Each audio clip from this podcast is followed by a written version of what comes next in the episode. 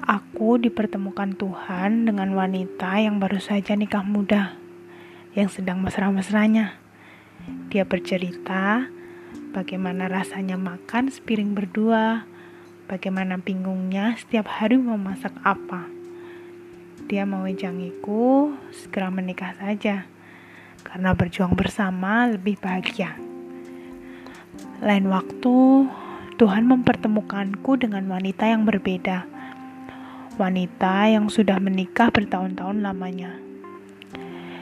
Dia bercerita rumah tangganya porak-poranda. Setiap pulang rumah yang ada hanya rasa curiga. Bukan satu dua kali dia mendengar gertakan sia-sia. Dia bertahan demi anak-anaknya. Dia mau jangiku, nikah itu nggak mudah Setidaknya kamu harus punya cukup mental. Wanita lain yang sudah bertahun menjanda, hubungannya kandas di tengah jalan. Mengatakan hidup sendirian lebih menenangkan. Katanya, dia bisa bebas menentukan tujuan. Baginya tanpa pria, anak-anaknya tetap bisa makan. Dia mau jangiku, setiap orang punya pilihan, dan dia memilih berjuang sendirian daripada hidup dengan pengkhianatan.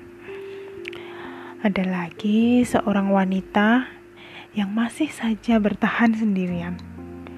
Umurnya hampir menuju kepala 30-an. Katanya dia belum menemukan seseorang yang sepadan. Baginya menikah itu bukan asal-asalan dia mencari lelaki yang menyempurnakan.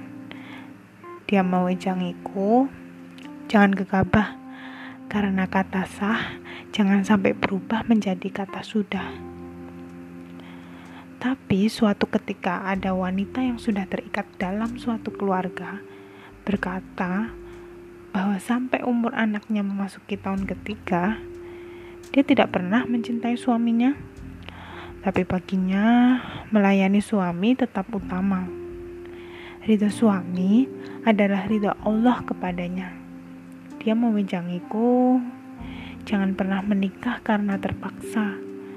Menikahlah karena ibadah balasannya surga. Aku menggumam. Apa aku terlihat seperti ingin mengakhiri masa lajang? Sedangkan Aku hanya melayangkan sebuah anggukan, sembari mendengar satu persatu curhatan diutarakan. Mereka semua secara sengaja maupun tidak mengatakan nikah memang tak gampang. Berkeluarga memang tak semudah membalik telapak tangan. Banyak tantangan, rintangan maupun badai menghadang. Bertahan maupun tidak adalah pilihan Setidaknya Tuhan sudah berfirman bahwa setiap manusia diciptakan berpasang-pasangan. Jadi, sudah siap kapan?